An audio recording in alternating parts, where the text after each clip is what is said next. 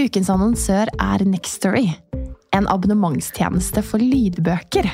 Der du får tilgang til ikke uendelig, men svært mange lydbøker på nett. Å ja. Et helt univers, rett og slett. For meg har det passet perfekt nå i vinterferien. For da har jeg hatt ekstra tid eh, til å gå lange turer og lytte til bøker. Og så har jo vi en date i kveld, eh, Ingvild. Eh, vi skal på teater og se Anna Karenina. Så da bestemte jeg meg for å bruke Next Story for å lese gjennom den på nytt. Og det er bare helt fantastisk roman fra 1870-tallets Russland som jeg anbefaler alle å utforske, fordi den er like aktuell nå i 2024 som eh, den gang den ble skrevet. Men det er jo så fint, da, ikke sant? Og uavhengig av om eh, man har vinterferie eller mer tid til overs, så har man også disse små lommene i hverdagen. Du kan ha boken på øret, og du kan brette tøy, eller du kan sette på en klesvask, en oppvask, whatever og dykke inn i dette universet. Og det er jo det som er så fint. I, eh, I, tillegg, da, når uh, disse små dine kommer med den samme boken for 15. gang, Ingvild, og spør ja. mamma kan du lese denne, så er selvfølgelig det veldig hyggelig, men det kan også være eh, vel så hyggelig å, å få eh, boken servert fra noen andre, så kan man lytte sammen. Eh, vi har hørt mye på Albert Aabergs lydbøkene i Nextory, for det er et univers som både min femåring og min toåring elsker. Ah, det er fantastisk. Man kan finne så mye flotte verdener og opplevelser i gode bøker. Og du som lytter til oss, kan nå få seks uker med fri tilgang til Nextory hvis du går inn på linken nextory.no engler. Så gå inn der. Bli med oss eh, og utforsk bokuniverset, og så håper jeg at du har like stor glede av det som vi har.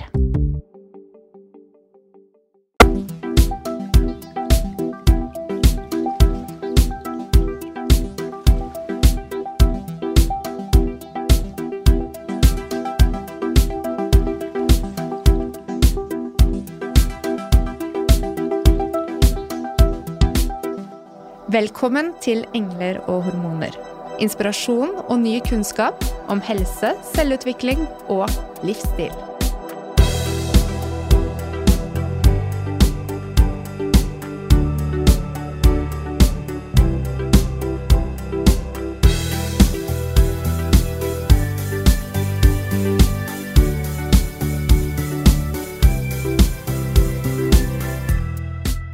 Hei og velkommen til en prat om kvinnehelse, og kanskje det temaet som har trendet mest eh, i eh, mediebildet eh, siste året. Endometriose. Det har vært kanskje en av de tilstandene som har blitt løftet mest opp og frem. Men fremdeles så er det veldig mye vi ikke vet, og mye vi gjerne skulle snakke om. Og vi er så heldige å ha fått en gjest i studio som har jobbet med endometriose i mange år. Thomas Taulov, hjertelig hei. velkommen. Hei. Hei. Så først av alt så har vi jo lyst til å bli kjent med deg. Vil du fortelle litt om eh, ja, ditt liv, og kanskje også veien inn i gynekologien og det du jobber med i dag? Ja, jobber, nå I dag jobber jeg på Ullevål sykehus for det meste, pluss at jeg jobber litt privat ved siden av, sammen med dere blant annet. Mm -hmm. Jeg har vært gynekolog siden Eller startet med dette her eh, for nå litt over 20 år siden. Eh, så da, tiden går fort. Jeg begynte på Ahus. Litt tilfeldig at jeg begynte med akkurat gynekologi. Det er jo ofte sånn når man velger spesialitet, at det er litt tilfeldig hvor man fikk jobb. Jeg syns alltid at Gynekologien har vært veldig morsom, fordi det er et, et, fag hvor du har, er ganske Det er veldig annerledes enn det folk tror eh, gynekologi er. Det, det, det er en blanding av både eh, fødselshjelp og, og, gynekologi, i hvert fall i starten. Nå har jeg sluttet mer eller mindre helt med fødselshjelpen. Men, men der, du, du, har dine egne pasienter, det er ganske unge, friske pasienter i utgangspunktet. og Med veldig konkret problemstilling, hvor, hvor du behandler og undersøker og gjør det meste selv. Du er ikke fullt så avhengig av andre folk. Du, du gjør ultralyd, og du opererer, du følger dem opp etterpå. Det syns jeg er veldig spennende. Eh, I tillegg så, så syns jeg dette her uh, det er en gruppe mennesker som egentlig kanskje har blitt litt, litt neglisjert. Altså, det har vært mye snakk om kvinnehelse i det siste, eh, og gudskjelov nå så er det blitt mer fokus på det. Det, det er pasienter som eh, det er, det er, mange lidelser her, spesielt når det kommer til endometriose og disse typer lidelsene, som eh, dessverre ikke har blitt så godt behandlet gjennom, gjennom tidene. Mm. Ja. Og nå, ja, jeg bare fortsette. Så, nå, siste, så de siste ti årene har jeg vært på, på Ullevål, og det er først etter jeg begynte der at jeg virkelig har begynt med mye med endometriose. For der er vi jo et eget team som eh, opererer eh, først og fremst da, de, de mest kompliserte endometriosetilfellene i mm. Norge. Ja. Og utenom jobb så er du i hvert fall aktiv kiter, vet du? Ja da. Det, her skal jeg snart dra til Spania neste uke. Ja, så deilig. Ja. Det er viktig å ha en mm. god work-life balance. Ja. Mm. Men du er jo ute i utlandet og jobber av og til også? Ja, jeg har vært litt eh, sammen med Norvak eh, gjennom, egentlig, gjennom min gamle sjef på jobben. Så jeg har vært, i, vært en par ganger i Gaza. Mm. Og gjort, egentlig vært et prosjekt for å lære opp legene der på, på sykehuset i Gaza til laproskopi, altså kikkhullskirurgi. Mm. De hadde ikke de, de mulighetene før og gjorde åpen kirurgi på nesten alle pasienter, også infertilitetsutredninger og sånt. Og det, ja, ja så, ikke sant? Med arve og så videre. ja, så det er ikke så bra, stakkars. Så mm. det, vi har fått i gang det. Mm. Det er veldig spennende. Veldig annerledes uh, sted å være. Vi ser hvordan ressursene ikke er akkurat det samme som i Norge. Det, men de kan få gjort mye likevel. Ja, så bra. Mm. Fint perspektiv å ta med seg inn eh, i eh, dagens episode. Absolutt. Mm. Kan vi ikke starte liksom med first things first? Og hva er endometriose? Ja, Endometriose, enkelt sagt, er jo eh, tilstedeværelsen av sånn endometrielignende vev, altså den endometres slimhinnen i livmoren, som sitter utenfor livmoren. Rent sånn histopatologisk så er det mer altså eh, endometriekjertler og stroma som man finner andre steder enn der hvor det skal være, altså i livmoren. Mm. Så det vil ikke si at eh, det er livmorslimhinnene som har lignende vev, som har vandret fra livmoren og ut i kroppen? Nei, det, altså det var det man i hvert fall trodde før. Det har man gått mye mer bort ifra. Det fins mange forskjellige varianter av eh, hva, hvordan man tror dette oppstår. Og kanskje er det også litt forskjellige typer sykdommer, at det kan være flere måter eh, det skjer på. Eh, men det forklarer i alle fall den, den gamle Samsons teori, hvor det, var da man tenkte at man blødde retrograd, altså ut gjennom eh, egglederne, at det da plantet og den satte seg ned i bukhulen.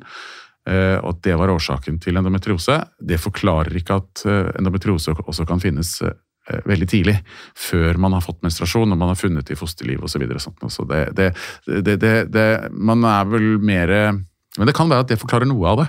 Mm. Eh, men man har gått mer over til andre immunologiske faktorer og det med metaplasi, av hvordan eh, vev i andre steder i kroppen kan endre seg eh, under visse forutsetninger, men også noe genetiske forutsetninger. Vi mm. vet det at dersom du har en, en, mor som har hatt endometriose, så er sannsynligheten kanskje dobbelt så stor for at du har det, enn forhold til andre mennesker. Mm. Men man har altså funnet endometrielignende vev i fosterlivet? Ja, eh, altså Men, men det er ja, kanskje litt vanskelig så å snakke om dette her. Altså, man kan finne det Ja, man ser det hos nyfødte, men de er også på altså Nyfødte kan faktisk De har ganske høy estrogenpåvirkning ja. fra moren. Ja. Så de er en litt spesiell eh, tilstand. Eh, og det er mm. faktisk noen eh, som også kan blø litt. Ja. Det er veldig sjelden. altså det ja, Nå er vi litt ute på Det er helt litt fantastisk. forbi hva kanskje her, men dette er nei, litt men, spesielle ting. Altså, mm. Lytterne våre er kjempeinteressert, og de vil gjerne høre nye ting. Mm. Så det er helt supert. Mm. men uh, det er også litt med hvor man kan finne det. Altså, kan du fortelle litt om det, Thomas? Altså, hvor i kroppen er det funnet endometrievev? Det aller vanligste det er jo i det lille bekkenet. Altså i, utenfor eh, På baksiden av livmoren, i eggstokkene, eh, bekkenveggene altså, eh, og tarmen, da spesielt rektum, og gjerne den nedre del av tykktarmen, altså appendix og blindtarmen. det er de vanlige stedene. Mm -hmm. også over blære. Og så finnes det alle mulige varianter eh, av andre ting som sitter høyere opp. Og det, kanskje det mest man hører om, er jo eh, dette med eh, i lungene, eller altså på mellomgulvet, diafragma, eh, som også kan skape pneumotoraks, eh, eh, altså hull på lungesekken, eh, i forbindelse med blødninger. Mm. Eh, men det også er det også det som er nerveendometriose, altså på ischias-nerver og sånt. Det kan sitte dypt inni, men det, dette er ikke det vanlige. Mm. Det er veldig mange som tenker at eh, det er det jeg har, dette er, det, dette er sjeldent. Endometriose i bukhinnen, altså overfladisk i peritoneum, det er ganske vanlig. Mm. Hvis du titter nøye etter på mange kvinner, så eh, er det er Derfor endometriose går nesten fra å være en slags eh, tilstand, altså mer normaltilstand, til å bli en sykdom. Titter du nøye, så er det veldig mange kvinner som har enkelte små flekker, Mm. Mm. som ikke er noe plaget av det, og da skal vi heller ikke sykeliggjøre det. Ja. Eh, helt enig. Og det er jo mye vi ikke vet om hva som skjer i kroppen vår. Mm. Men eh, jeg blir litt nysgjerrig ut ifra mm, teorien om at det kan være flere ulike årsaker til at dette oppstår. Eh, Når du observerer, du har jo gjort veldig mange operasjoner på disse kvinnene. Eh, Er det stor forskjell på disse lesjonene? Vil det si at de har, kan de variere i karakter? Ja, det er faktisk ganske stor forskjell. Eh, vi skiller ofte sånn cirka mellom tre typer. Den, eh, det første man snakker om er litt mer den overfladiske som sitter i, bukhinnen. Og så har vi den dype, som også ofte kalles dypt infiltrerende endometriose, som, hvor, det, hvor det går Tradisjonelt sett har man sagt at det er dypere enn 5 millimeter, eller at det går inn i muskularis i, i eh, blære eller tarm. Mm. Eh, det, den ter seg litt annerledes, den ser litt annerledes ut, og det er mye sånn arrvev. Det blir sånn, det vi kaller knuter. Det er sånn tykkere forandringer. Og så har den tredje versjonen, som er eh, cystisk endometriose, som er eh, syster i eggstokkene. Så det, dette er liksom tre litt forskjellige De Det ser annerledes ut. Felles for dem er jo smerter, og det som er et viktig punkt i endometriose, er jo dette her med inflammasjon. Mhm. Man har på en måte gått litt bort ifra å se Før tenkte man endometriose som var veldig lokalt i bekkenet. Det er liksom en ren bekkensykdom. Der er det, en, det er noe som blør, og det gjør vondt, og så er, er det bare å ta bort. Nå ser man det mer- litt mer som en systemisk sykdom. Mhm. At det, det på, disse lesjonene her, som eh, forandringene, påvirker immunsystemet ditt eh, og, og kan få mange uspesifikke forandringer eller, og, og symptomer rundt i kroppen for øvrig. Mm. Og Det er mye dette inflammasjonsbegrepet som er mange sykdommer man egentlig snakker om. Ja. Og, og hvilke symptomer er det sånn typisk da man ser? Eh, Det er altså fatigue, da. Altså det å føle seg sliten og, og uh, ja, ikke orke noen ting. Mm. Det er et veldig vanlig, vanlig sykdomsbilde, som noen sier. Og noen sier at de liksom føler at de brygger på noe, har litt i feber, eh, og, at du- føler at det er noe gærent med kroppen. Mm. Det som er så vanskelig med sånne symptomer, er at det er så overlappende med så mange andre tilstander. Mm. Og, det er jo og Derfor er det vanskelig å ta tak i det. Det, det, det, er, veldig, det, er, så, er så lite håndgripelig. Så er dette det, er fort gjort hvis man ikke vet hva det er. Så Leger har en veldig tendens til å finne en årsak til hvorfor det gjør vondt. og Hvis ikke de vet det, så sier de at det er psykiatri. eller ikke sant? Altså sier det er noe, det er noe med hodet ditt. Mm. Uh, og det er ikke sant. Jeg blir litt nysgjerrig, fordi denne eh, sesongen her har vi hatt stort fokus på østrogen. Ja. Både med tidlig overgangsalder og overgangsplager. Men hva, hvilken rolle er det østrogenet spiller for kvinner med endometriose? Nei, østrogen er jo det eh, endometriosen næres på. Så estrogen stimulerer eh, også slimhinnen i, i livmoren. Det skal den gjøre, det er jo hensikten. Men det, den, den endometriosekjertlene som sitter utenfor, disse endometrioseplakkene, de stimuleres også av østrogen. Mm. Så de blir, eh, de blir eh, større, og, og du kan tenke deg at de kanskje altså Mange forestiller at du blør liksom mye, men, men ja, du kan blø litt, særlig den cystiske endometriosen. Da samler det seg blodansamlinger i eggstokkene. Eh, så det, og det skaper en, en betennelsesreaksjon, en inflammasjon i de områdene, og, og med dertil innvekst av nerver og en del sånn cytokiner og mediatorer som gjør at de får vondt. Mm. Og disse plakkene eller endometri- endometrielasjonene, de er ganske sånn smarte, intelligente. Mhm. Kan vi Ja. komme litt nærmere inn på, inn på det, når du nevnte nervereseptorer osv.? Ja, altså de, de, de gjør jo alt de kan for å overleve. De produserer bl.a. sin egen østrogen. Eh, og så er det en del sånn som ja, altså, så, sånn at de, Og, de, danner sin egen blodforsyning, altså sånn som all mulig inflammasjon gjør. altså de, Det vokser i nye kar og, og nerver inn i disse områdene.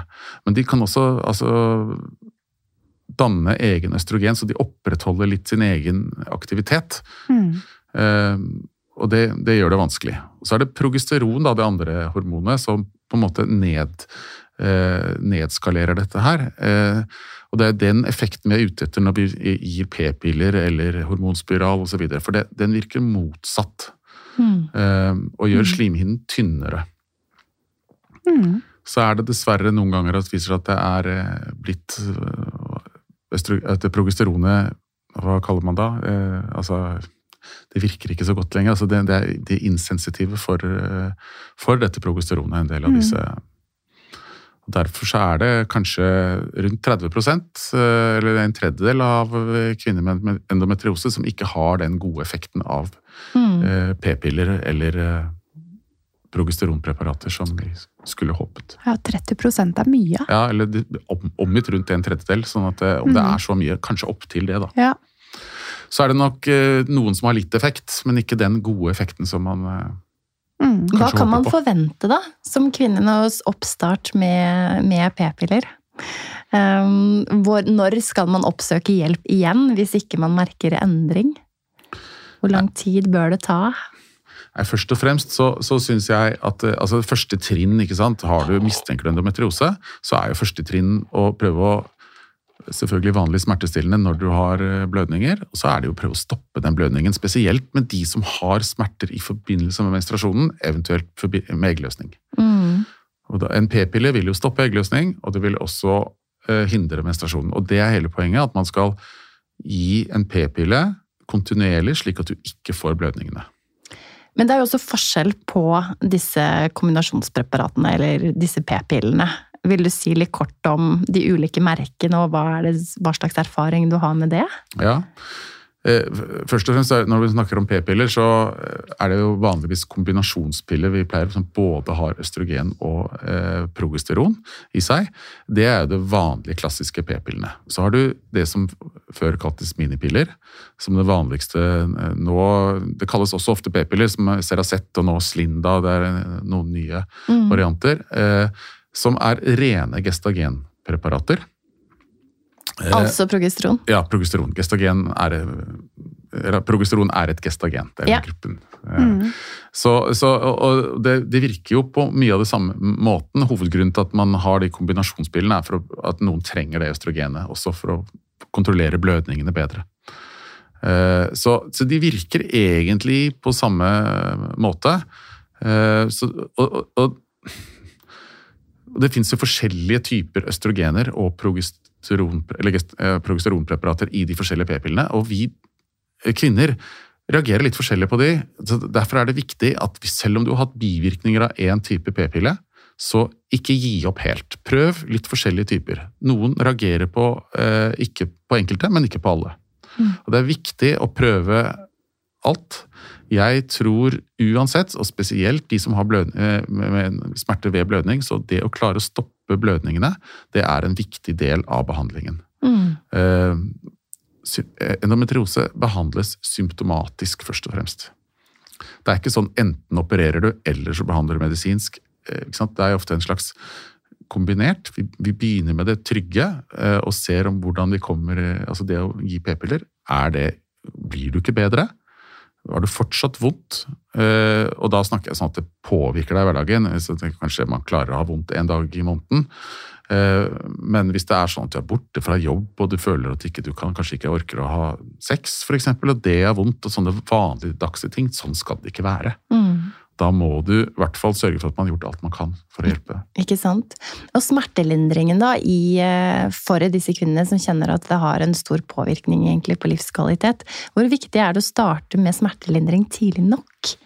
Ja, Det tror jeg er veldig viktig. For det, det vi ser eh, Altså, du må altså, For å si det med en gang, altså, disse B-preparatene, altså morfinpreparater, og sånt, det er jeg veldig skeptisk til Mm. i denne settingen. Dette er en kronisk tilstand, det bør man unngå.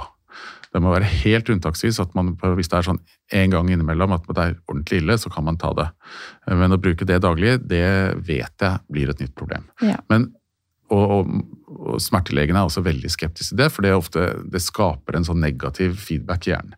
Men vi vet at de som har smerter, eh, mye smerter Man skulle ønske at det var sånn at har du mye smerter, så lærte du deg å tåle det. Det er jo ikke sånn, dessverre. Mm. Har du mye vondt, så lærer kroppen din deg hva smerte er, og, og du utvikler eh, lettere smerte, faktisk. Så du opplever ting som andre kanskje ikke opplever som smerte, som, som smerte. Mm. Og det er en veldig vanskelig spiral å bryte. Mm. Det er veldig viktig å gripe inn tidlig nok der, sånn at du da får en god behandling, så ikke du går fra å bare ha Starte med å ha vondt kanskje litt når du har menstruasjon, så blir det mer og mer, så blir det lenger og lenger, og så plutselig går du inn og har vondt hver dag. Mm. De som har vondt hver dag, det er det ikke bare å komme seg ut av uten hjelp. Mm. Og gjennom den første delen, da, i møte med helsevesenet, hvis man havner på den hormonpreparatsiden, så er det også hormonspiral som et Mm. alternativ. Ja. Mm. Og så, øh, hvis man da er en av de en tredjedel som ikke responderer så godt på dette, eller har eh, kraftige symptomer, hva er veien videre for eh, eh, videre utredning da for denne kvinnen?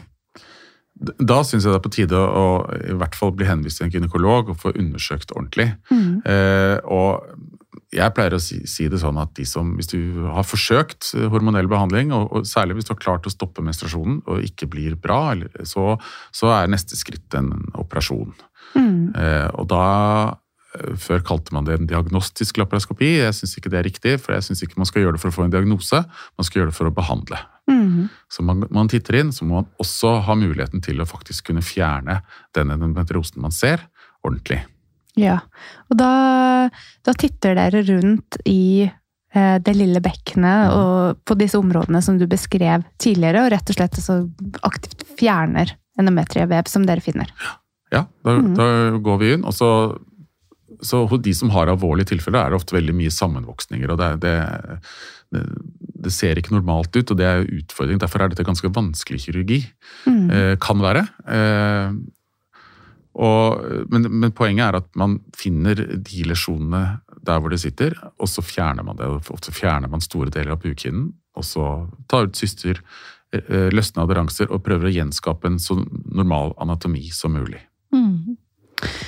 Så du nevnte jo innledningsvis at dere på Ullevål gjør de mest kompliserte operasjonene. Og, at det er komplisert, det forstår vi jo. Eh, eh, Det har vært oppe litt diskusjon rundt skal dette egentlig sentreres til et endometriosesenter? Bør det være regionale med spesialister? Eh, Hvordan, hvordan ser dette ut i Norge nå i forhold til hvilken landsdel du kommer fra, og hvilken kompetanse du møter eh, lokalt?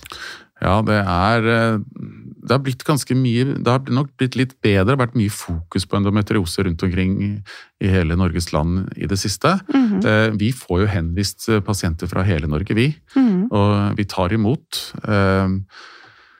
Og det er vel vår avdeling som har mest. Det er også noe i Bergen og Trondheim har også gjort lite grann, men vi har klart mest volum på Ullevål. Mm. Eh, er ikke, det er litt sånn blandet erfaring med det som gjøres eh, rundt omkring i Norge. Mm. Eh, det, er, det er to ting som er problemet. Det første er jo det at altså så når jeg var ny, så ble jeg også satt til å gjøre så, såkalt diagnostiske laparoskopier på de som med smerter. Nå er jeg ganske fersk lege.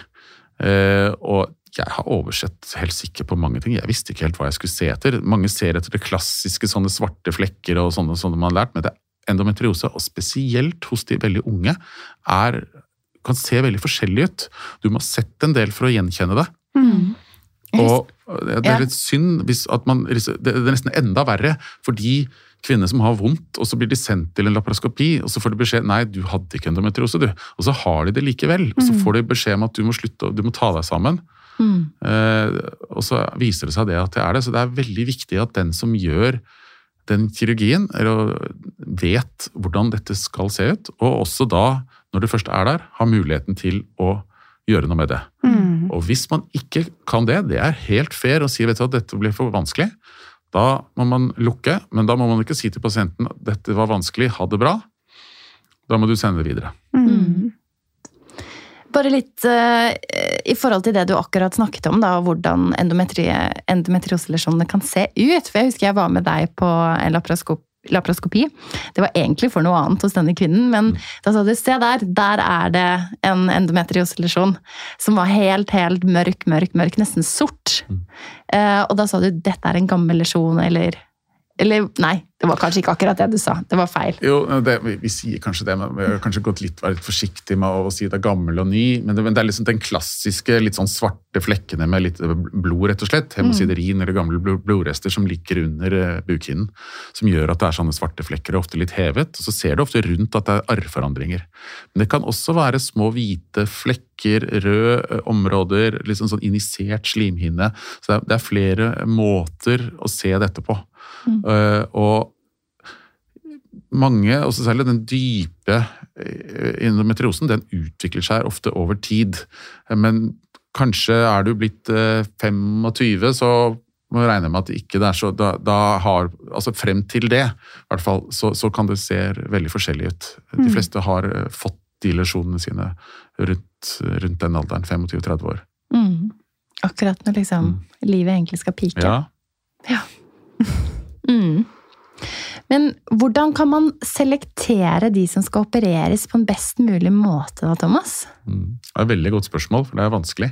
Mm. Eh, og vi skulle gjerne hatt en bedre metode på det. Eh, jeg syns jo alle som ikke blir bra nok. Hvis du tenker på, altså Det er lett når du sitter i andre enden så tyter det inn eh, mennesker med vondt, og så sier at jeg bør stoppe det, men, men, hvis du ser det fra den andre siden, fra pasientens side, hvis du har, at, at du blir satt opp til en det, det, å gjøre en laparoskopi er det er ikke uskyldig, det kan skje gale ting, men det er relativt eh, trygg, trygg operasjon. Sånn at hvis du er så plaget at du eh, påvirker deg i hverdagen, eh, at du ikke kan være på jobb, og sånn, så jeg alle fortjener å bli undersøkt ordentlig en gang. Mm. Jeg syns ikke vi skal ha for høy terskel til å gjøre det. Mm. For når du sier undersøkt ordentlig Jeg husker din kollega Tina Tellum holdt et foredrag for noen år siden, og hun påpekte at det å få det da undersøkt med ultralyd, mm. det, er, det er også veldig vanskelig. Og hun sa da at det var mange som ikke hadde fått opplæring i å gjøre det. Så det at man har kun den diagnostikken, det er da ikke nok. Altså, det, Ultralyd er veldig bra. Eh, du, kjempeflott undersøkelse og finner mange med dyp infiltrerende endometriose eh, hos de som kan det. Mm. Det er ikke gitt at enhver gynekolog du går til, eh, er god nok på dette her. Nei. Det er egentlig ikke så vanskelig, men du må lete etter det. Man ser aldri annet enn det man ser etter. Mm. Og det, jeg tror mange av oss har fått en liten aha-opplevelse etter hvert. at å ja, ja det, er, det, er, det du ser. Altså, du, du, vi, har litt, vi, har blitt opplært nå, men hvis du aldri har blitt opplært i det, så, så er det ikke godt nok. Eh, men, men en, en, som er god på ultralyd, er det like godt i veldig mange tilfeller som en MR. Mm. Eh, men den overfladiske endometriosen i bukhinnen, den kan du ikke forvente å se på ultralyd. Nei. De tynne, mindre overfladiske lesjonene. Mm. Det må det laparoskopi til. Inn, eh, ja. Mm. Nå er det jo nye tester på gang også, da, som er litt spennende. Jeg vet ikke så veldig mye om det, men det er altså disse mikro-RNA som uh, går på inflammasjonsbiten, da, som er sånne nye tester som jeg tror kanskje kan være en alternativ måte for å prøve å finne ut uh, om man har endometriose eller ikke. Mm. Uh, hvor godt det er og hvor, hvor, sikkert det er, det vet jeg ikke ennå. Vil, tiden vil vise det. Men det har jo en, der man har litt sånn lav terskel uh, altså det, det ville være tryggere da, ikke sant, å kunne ta en test. Mm. Og så har jo vi også hatt uh, pasienter som har vært hos deg til kirurgi. Uh, og så har de blitt uh, da videre vurdert for hormonell oppfølging etterpå fra sykehuset. Og ikke bare p-piller, men også, altså, som de sier selv, da å komme i en falsk overgangsalder. Mm. Hva er det dere vurderer da, og hva, hvordan fungerer dette for disse kvinnene? Ja, det å sette i det vi kaller kunstig overgangsalder, det, det handler om å sette eggstokkene litt ut av en, en periode. Sette eggstokkene ut av spill, så de, de slutter å fungere. Eh, og, og, det er for at man ikke skal få den hormonoppblomstringen som gjør som, Du hindrer det østrogenet som nærer disse lesjonene. Mm. Eh, og det er flere grunner til at vi gjør det. Mange har frapperende god effekt av det mm. eh, på smertene, men det har dessverre ganske mange andre mm. bivirkninger. sånn at det er jo en litt sånn trade-off. Man finner ut eh, hvor er det, hva er verst. Det er det det handler om hele tiden. Eh, men samtidig også, hvis man har veldig mye sånn inflammasjon, det er litt sånn skummelt noen ganger å operere der hvor det er masse hissig blodkar og veldig sånn Alt bare blør, bare du er borti det. Mm. Så I noen tilfeller så syns jeg det kan være fint å, å dempe dette ned. Men det, det, endometriose det er eh, ikke en enkel vei til behandling, for det, det er veldig sånn pasientsentrert, for vi er så forskjellige punkt i livet. Mm. Den kvinnen som er 19 eh, år, eller den som er 45, 30 eh, Helt forskjellige vei i livet. Kanskje har man fått de barna man vil ha. Da kan man være litt mer radikal når vi, når vi opererer, altså det vil si å fjerne mer, blant, mm. hvert fall når det gjelder eggstokkene, og kanskje også fjerne livmoren hvis man har mistanke om innvekst i den eller adenomyose. Mm. Hva er effekten på det, da? Hvordan eh, responderer pasienten på den type kirurgi? Å fjerne livmoren? Ja, Er det god effekt i forhold til eh, smerter? En, eh, hysterektomi, altså fjerne livmoren, er ikke noe behandling for endometriose. Men det er en behandling for adenomyose, og eventuelt dysmenoré, altså hvis man har mye smerter i forbindelse med, med, blødningene. Men noen ganger så sitter det ganske mye endometriose som sitter i den vaginaltoppen, altså helt liksom den bakre kant av livmoren. Eh, hvor man kan prøve å skrelle ut eh, den endometriosen uten å fjerne livmoren, men veldig ofte så er den øm, så, så vil det hjelpe. Mm. Eh, og mange av de kvinnene får det bedre ved å fjerne den. Mm. Men for det hjelper ikke å fjerne livmoren hvis du har masse endometriose igjen på bekkenveggen eller andre steder rundt i bekkenet. Eh, for da fjerner du ikke det som er sykdommen. Mm. Og disse, denne endometriosen kan også da komme til det stadiet at det produserer sitt eget østrogen. Ja, det, mm. det, det gjør det. Men, mm. men, derfor er det også det å gi progesteron kan hjelpe til å sette det Så, så, så det, det, er ikke alle det virker på. Eh, det gjør ikke det. Nei. Hvis vi skal snakke litt mer om andre mer konservative tiltak da, for kvinner med endometriose, eh, så mm, er det jo gjerne sykliske smerter. Mm. Og hvordan man da kan tilrettelegge trening og sosiale greier som skal skje på, på fritiden, til de periodene som kanskje er forbundet med mindre smerte. At man blir litt bedre kjent med sin egen syklus og ser en ja, forutsigbarhet i det, da. Og jeg kan kjenne på en følelse av kontroll. Og ikke minst, som du sier, bruke nok smertestillende mm. eh, til å bryte mm, den smertespiralen. Vi har jo mange, mange, erfaringer med akkurat disse tingene fra klinikk, Mona. Ja, og så dette her med, som Thomas sa i sted, da, at, at det gjerne er flere ting også som skjer så mange av disse har jo også tarmplager. Mm. De har kanskje eh, en vulvodyni-diagnose. De har kanskje smertefull blære. Det kan være andre ting som skjer parallelt. Um, hva tenker du der, Thomas? Uh, den uh, totalpakken av plager som kvinnen er under, og eventuelt mulighet for eh, tverrfaglig behandling. Det kan jo bli ganske mye etter hvert? Ja, det er kjempeviktig. Og det mm. her er jo kanskje det største problemet, i hvert fall i det offentlige helsevesenet, at vi har ikke så mye midler til dette her. Dette er kvinner som har mye problemer på mange, mange felt og trenger hjelp Eh, ja, ikke minst eh, ja, både fysikalsk behandling ikke sant? Eh, og ernæringsfysiologer, sexolog og psykolog. Mange, på mange måter mm. som de trenger den hjelpen. Og, og, og, her svikter vi nok litt.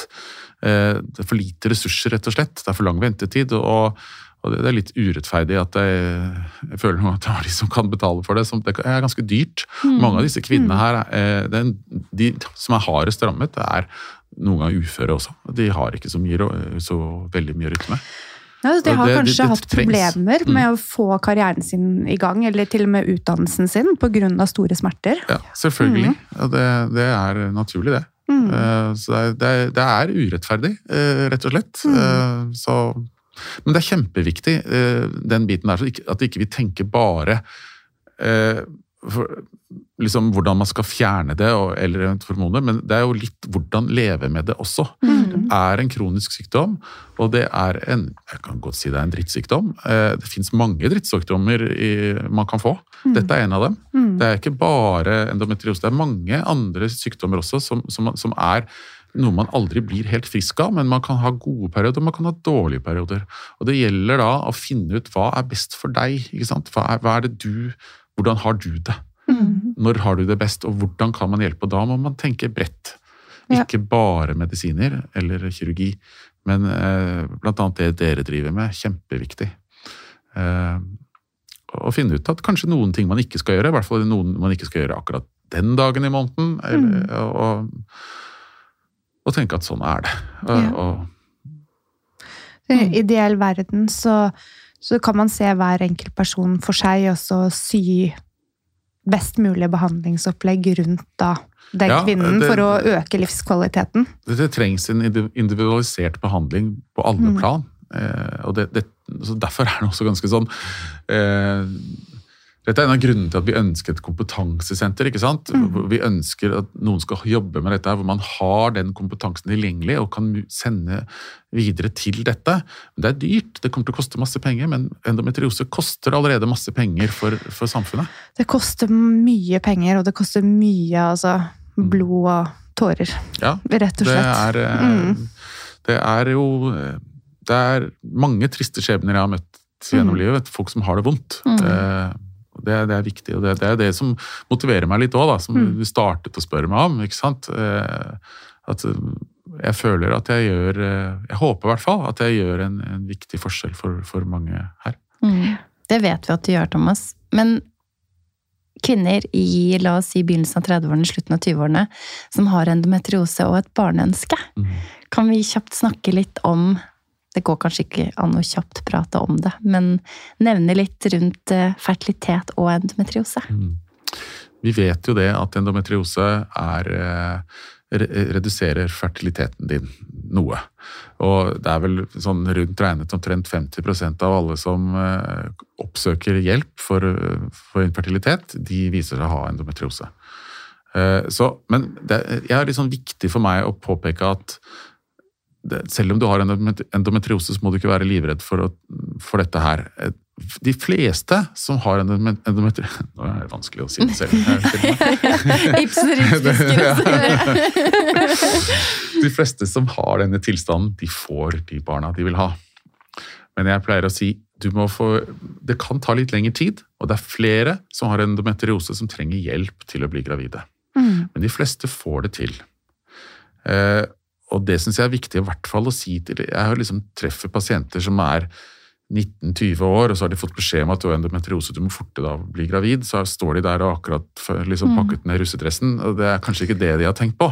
Og, og det syns jeg er veldig feil å si. Eh, det, ja, det er en viss grad av eh, sannsynlighet for at du sliter med å bli gravid, men du, det må jo passe.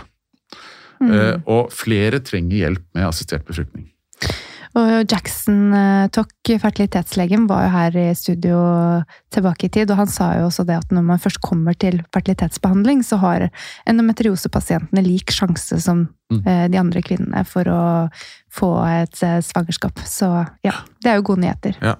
Mm. Det, det, er viktig, og det er heller ikke noe grunn til å Hvis du er ung og hører at du har endometriose, men du eh, har det egentlig ganske bra på den behandlingen. Det er ikke sånn at du må, må opereres for å unngå at du blir steril i fremtiden. Mhm. Det, det har vi ikke noe grunnlag for å si. Nei.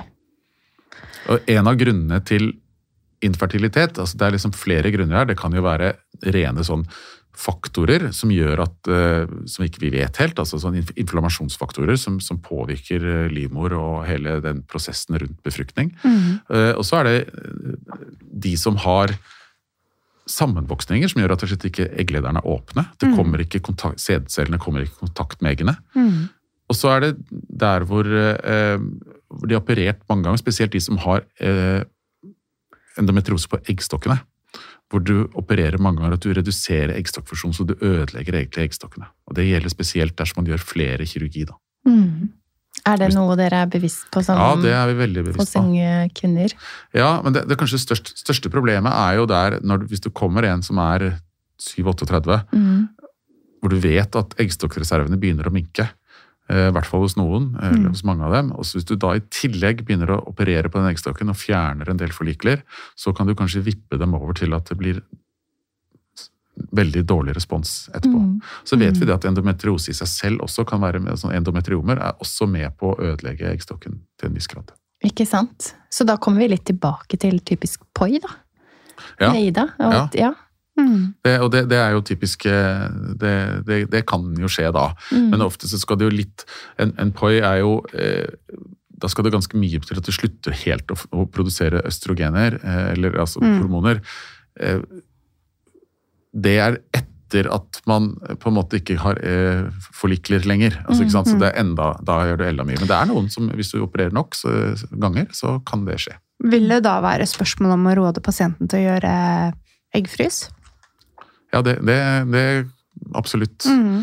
Det, det kan vi gjøre, men det er også det kan man gjøre i, i, god tid, ikke sant? men jeg Mhm. syns ikke, ikke hvis du får vite at hvis du er 25 og har det, syns jeg ikke man skal løpe for eggflis bare fordi man får beskjed om at man har endometriose. Mhm. Eh, men i noen tilfeller ja, og det er Mhm. spesielt de som har eh, affeksjon av eggstokkene. Det vi noen ganger eh, gjør, er at hele eggstokken er nærmest ødelagt ikke sant? Av, en, av masse små eller syster eller store endometriomer, så vi ender opp med å kanskje måtte fjerne en eggstokk, så har man en igjen. Eh, noen ganger så kommer det på begge sider. Eh, Og så er det jo de som da har så mye vondt og har helt ødelagt ekstrakt at de velger å fjerne. Mm. Ja, det føles så sårbart. Mm. Eh, som også minner på det som Ida sa så fint, at noen ganger må man også kanskje gå en prosess og få hjelp og vurderinger til andre måter man kan bli foreldre på. Mm. Eh, hvis det er et barneønske. Så den er også fin å ta med seg. Det er viktig, det. Mm. Jeg har fått et spørsmål, Thomas, fra en endometriosepasient. Som jeg tenker kan være fint å ta med seg inn i avslutningen av eh, liksom snakken om behandling og sånn, da. Hun skriver Hva gjør man når man verken har effekt av kirurgiske inngrep eller hormonbehandling? Og hva kan være årsaken til at det, det ikke alltid fungerer tilstrekkelig for behandling for pasienten? Ja, det, det, er, disse, det er de vanskeligste pasientene. Mm. Eh, Det er de også alle leger kanskje syns det er vanskelig å håndtere. For vi vil gjerne gjøre noe, ikke sant? Så veldig sånn Mm. konkret. De som har en kronisk bekkensmerte så man, Noen kan oppleve å ha smerter også selv etter at selve endometriosen er borte. Det er ikke noe, det, Den endometriosen som en gang gjorde vondt, er ikke der lenger. og så har man fått en kronisk smertetilstand. Dette skjer både lokalt eh, med nerveendene, men også i hjernen, endringer i hjernen fordi man har langvarige smerter. Eh, så da er det jo ikke så mye å gjøre kirurgisk lenger, hvis ikke det er noe vi kan gjøre. Eh, så, og hvis det ikke hjelper i det hele tatt med hormoner, så først så må man jo stille spørsmål er det noe annet. Alt som er vondt i kroppen er ikke nødvendigvis endometriose. Man kan, ha, man kan også ha endometriose, kjent, men så kan det være andre ting i tillegg. Det er så vanlig tilstand at veldig mange vil ha, kunne ha flere ting. Så det er viktig å ikke huske, å huske på det. At selv om man, ikke man alltid faller i den gropen om at eh, dette her er endoen. Eh, men, men når det gjelder tilbake til behandling, så er det jo da denne tverrfagligheten kommer godt inn i bildet. Mm. Det, er, det, er da det er så Eller forhåpentligvis egentlig før vi kommer så langt. Men, men at man gjør alt man kan av andre ting. Og søker den hjelpen man man kan få. Og det gjelder ikke minst også smertelege. Mm. Smerteklinikk er ja. jo det å lære seg og det, mange blir litt sånn provosert av det. ja, Skal jeg bare lære meg å leve med det? Men det er ikke det det handler om. Det er man, Alle som har vondt over tid, danner seg noen mønstre, noe som er uheldig. Mm. Så man må prøve å bryte. Eh, og, og, få hjelp til det, også med kanskje litt andre typer medikamenter. Ja. Det var så fint. Jeg var på et uh, smerteforedrag en, uh, med en fysioterapeut på Drammen sykehus og smerte, um, smerteklinikken der, som sa og det er egentlig det litt det samme, enten om du måtte oppleve traume, traumer i at det er mye, mye, smerter over lang, lang tid, eller om det er andre mentale eller fysiske traumer som har satt seg i kroppen, da. Men øh, hun sa så fint at øh, du er ikke trygg, eller du vil ikke føle deg trygg før nervesystemet ditt erfarer at du er trygg. Og det syns jeg var så fint. Mm. Eh, og det går litt på den tverrfaglige biten, og hvordan man kan trene nervesystemet sitt til å faktisk kjenne og lande litt, og at det går og resonnerer med det tenkende hodet vårt. Er veldig viktig sagt. Smerte er en veldig sterk, det er en veldig veldig sånn viktig impuls for, for, mennesker, og sikkert dyr òg. Mm. Eh, smerte er forbundet med fare. Det er det vi er koblet til. Eh, når noe er vondt, så er det fordi det er farlig. Du må komme deg bort fra det. Mm. Det skaper så mye emosjonelle reaksjoner, og dette her gjør noe med deg over tid. Mm. Og det, det, å bryte den sirkelen der sånn, du må skjønne og klare å leve med det, det er, det er, ikke så lett. Og dette er ikke jeg ekspert på heller, så her er smertelegene må inn. Mm. Og kan jo forstå disse pasientene, altså at man har gått med smerter i lang tid og vært gjennom mye behandling, mm. og så ender man der at nei, nå tror jeg du skal snakke med en psykolog, så kan jo det føles som om nå blir jeg ikke trodd lenger, men jeg må virkelig si at de pasientene jeg har hatt som har vært på smerteklinikken har hatt mange av de har hatt en veldig veldig god mm. erfaring og mye nytte av det. Så eh, jeg tror det er viktig for oss å fremsnakke de også, for å, for å skape motivasjon og liksom se det flotte tilbudet. Mm. Pluss at man jo da også eh, Noen har jo eh, muligheter til å rekvirere typ f.eks. tensapparat. da.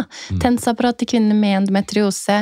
TENS-apparat for vagusstimulering, faktisk for å lære nervesystemet at man er trygg. når aktiv hvile og det med nok søvn og sånn meditasjon ikke fungerer, så, så finnes det en rekke tiltak. Man må bare vite om dem.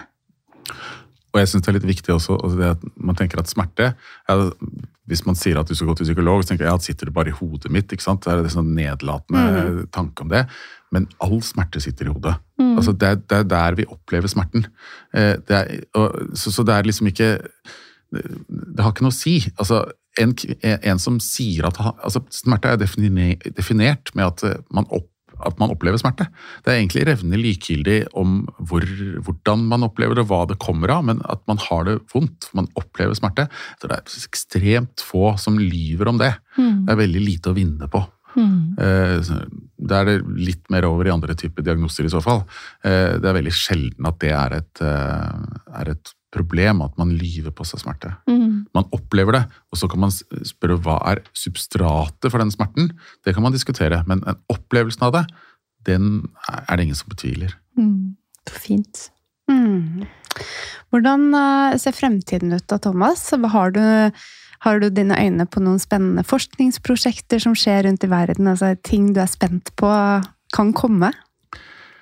Ja, ja, når det gjelder behandlingen, så jeg håper jo det at eh, kanskje både vi får bedre mulighet til diagnostikk, eh, men jeg er jo veldig spent på effekten. Vi, vi har jo gjort veldig mye mer kirurgi i de siste årene. Eh, vi, også på Ullevål. Vi er mer, litt mer radikale på det vi gjør. Og jeg Vi har ikke gode nok tall egentlig på hva som virkelig gjør folk bedre vi tror at vi gjør folk eh, bedre ved å gjøre mer. Det er jeg veldig spent på. Vi er veldig spent på at vi kan få til et ordentlig register hos oss, vite, eh, så vi kan se på de pasientene vi har behandlet. Hvem blir bedre, hvem blir ikke det? Om det er noe vi kan, og det er jo igjen for å klare å skille hvem er det vi skal behandle, hvem mm. er det vi ikke skal gjøre det. Mm. Det håper jeg, og så håper jeg at vi kan få et kompetansesenter Ja. Eh, Så vi kan få noe mer midler for å tenke tverrfaglig, og ikke minst lære opp andre rundt i Norge eh, om denne tilstanden. ja, for det er da én av ti kvinner Ja, som har endometriose. Altså det er, det er nok av pasienter eh, det er flust av det. mm, Uh, og, men, men de er i alle skala, fra de som er bitte litt plaget, til de som er kjempeplaget. Og det er Derfor jeg sier at man skal ikke skremme opp folk heller, om du får den diagnosen. mm, Mange lever et helt fullverdig, kjempebra liv med dette her. mm. Ikke bli redd, men, men få den hjelpen du trenger. Mm. Tusen takk, Thomas, for at du tok turen hit. Rett fra operasjonssalen på Ullevål. Mm. Mm. Bare hyggelig. Kjempefint. Tusen takk. Vi høres.